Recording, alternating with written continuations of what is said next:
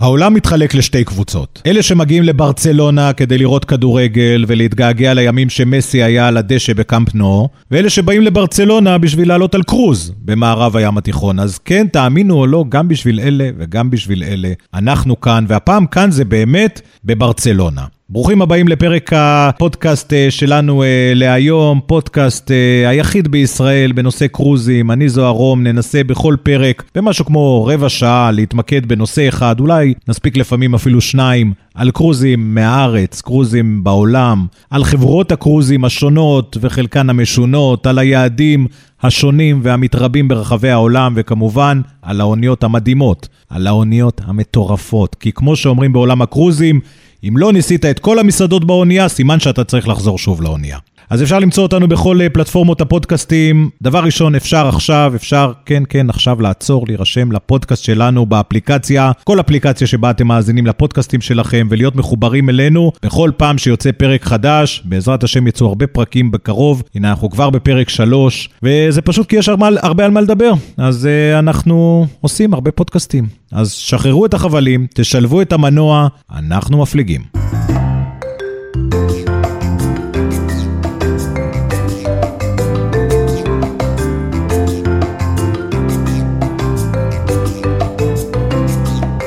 אז שוב שלום לכם.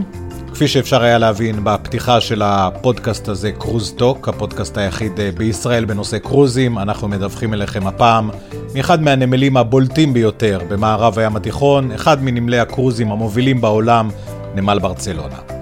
אז אה, שוב שלום לכם, אני כאמור זוהר רום, מנהל הקרוזים והתיירות בנמל חיפה.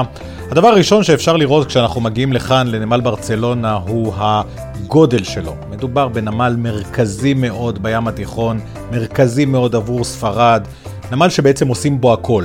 כשאתם מגיעים לנמל אתם רואים אה, המון אוניות מכולה, אוניות מטען כללי, שזה מטענים שהם לא במכולה, אה, גרעינים כמו דגון שיש בחיפה, אבל בעיקר רואים כאן 900 אוניות נוסעים ומעבורות שעוברות כאן מדי שנה ומובילות למעלה מ-3.2 מיליון, מיליון נוסעים ותיירים במעבורות ובאוניות קרוזים.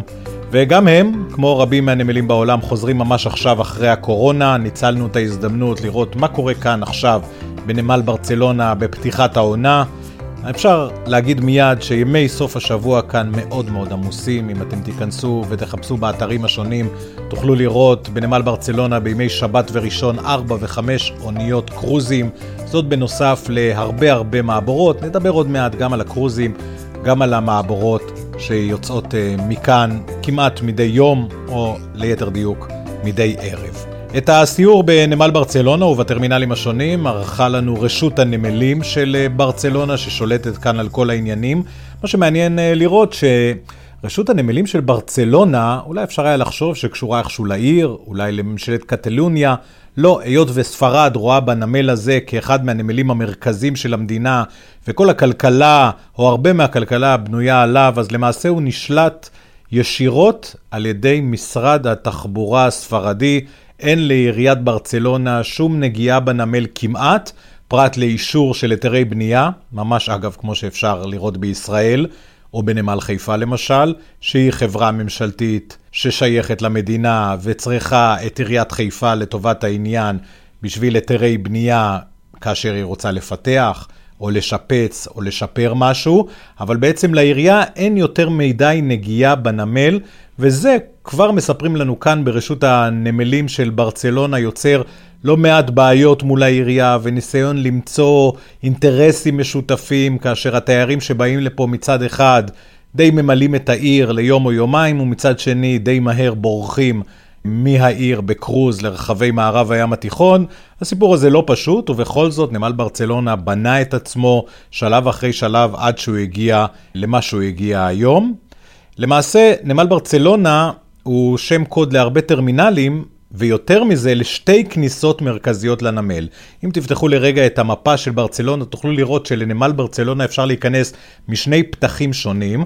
הפתח הצפוני יותר מיועד להמוני היאכטות שמגיעות לכאן, לאזור חזית הים, ומעגנות היאכטות השונות, והכניסה הצפונית יותר מיועדת לאוניות הגדולות, גם לאוניות המכולה הגדולות וגם לאוניות הקרוזים הגדולות ביותר. המעבורות ברובן נכנסות דרך הכניסה הצפונית יותר, הקטנה יותר, אבל הן יכולות להיכנס גם מהכניסה הדרומית יותר. אפשר לראות פה באמת הרבה מעבורות, כי אם אנחנו מסתכלים על uh, המפה שוב של מערב הים התיכון, אפשר לראות את האיים הבלארים, כמובן אה, מיורקה ופלמה דה מיורקה, העיר המרכזית, אה, אבל יש עוד כמה איים, איביזה כמובן, כך שאפשר לראות פה מעבורות במהלך כל היממה שמעלות גם מכוניות וגם נוסעים. כששאלנו כאן את אנשי רשות הנמלים מי הם הנוסעים שעולים על המעבורות, התשובה הייתה בעיקר ספרדים, או ספרדים שגרים בברצלונה ויש להם בתי נופש באיים, או תושבי האיים שרוצים לבקר ב mainland Spain,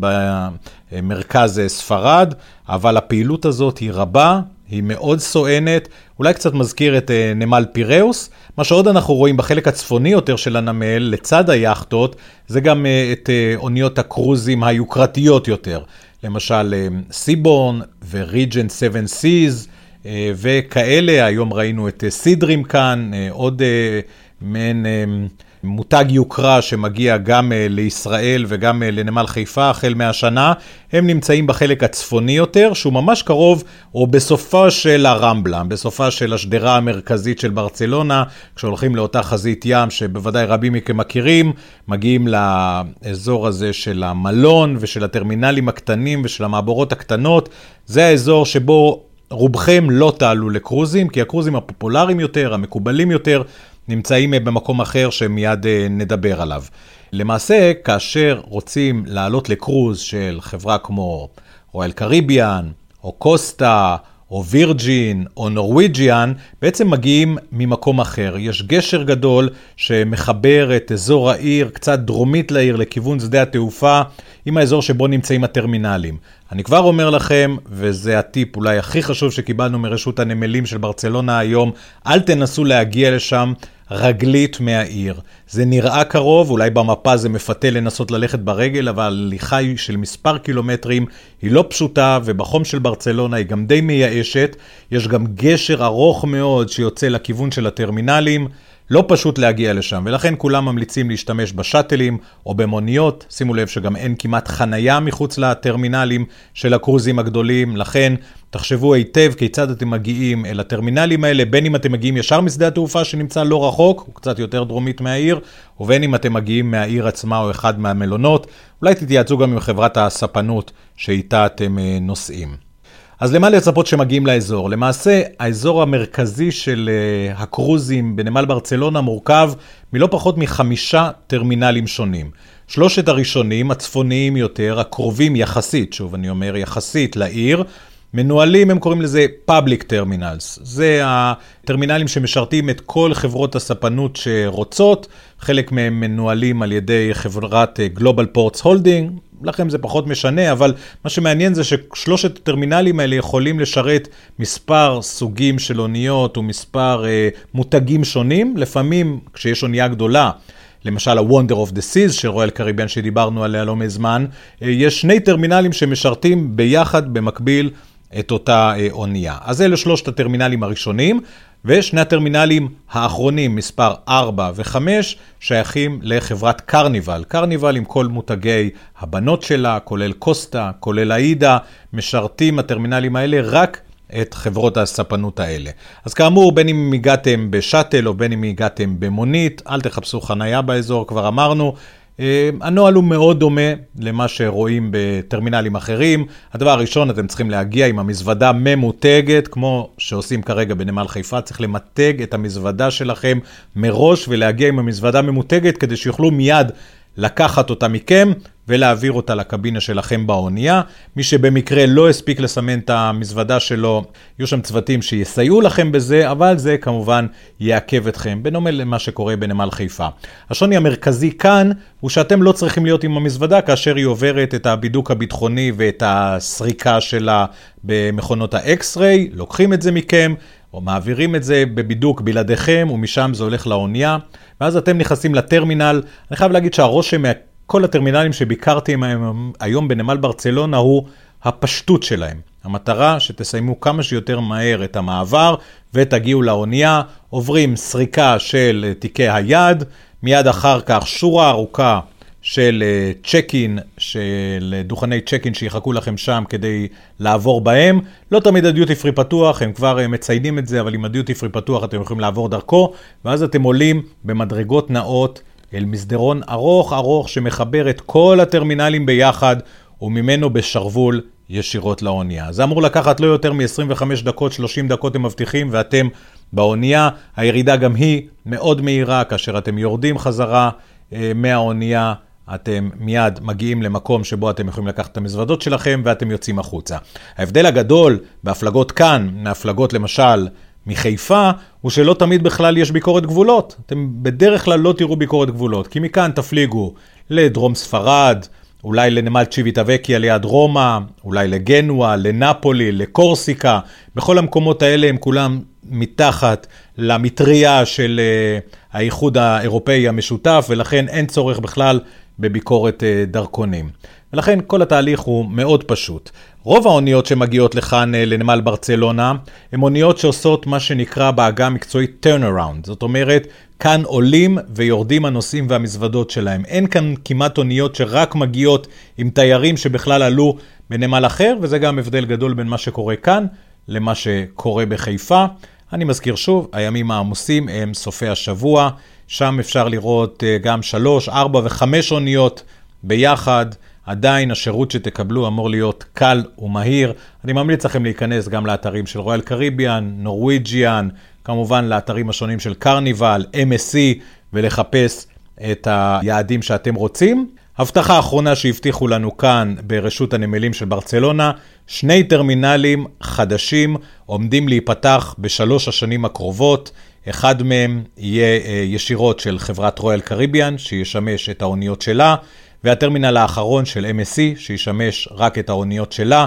יש כרגע קצת בעיה ועיכובים בבניית הטרמינלים, אבל הם טוענים שהראשון של רויאל קריביאן צפוי להיפתח ב-2024, ושל MSC ב-2025.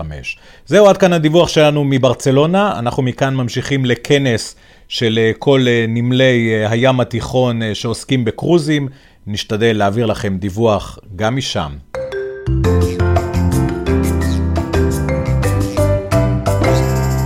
כן, אז אנחנו מתקרבים uh, לסיומו של uh, עוד פרק של קרוזטוק, uh, ואנחנו מזמינים אתכם להיכנס לאתר של נמל חיפה, לראות את כל ההפלגות שאפשר לצאת אליהן מנמל חיפה, ויש הרבה כאלה, לא פחות מתשע חברות מציעות השנה עלייה וירידה בנמל חיפה. אנחנו מזכירים לכם שוב לפנות אלינו במייל. ג'ימל.קום, שוב חיפה, H-A-I-F-A נקודה טרמינל, כמו ששומעים, שטרודל gmail.com עם רעיונות, עם ביקורות, עם הצעות, עם רצון לשתף בניסיון שלכם ובחוויות שלכם. אנחנו כאן כדי לקבל את ההערות שלכם. יש לנו עוד פרק אחד שאנחנו מקליטים מקוסטה בראבה, שווה להיות, ידבר על כל אגן הים התיכון שמקבל בוסט ענק בשנים האחרונות ובטח אחרי הקורונה, אז יש למה לחכות, תהיו איתנו גם בפרקים הבאים. בינתיים הפלגה נעימה.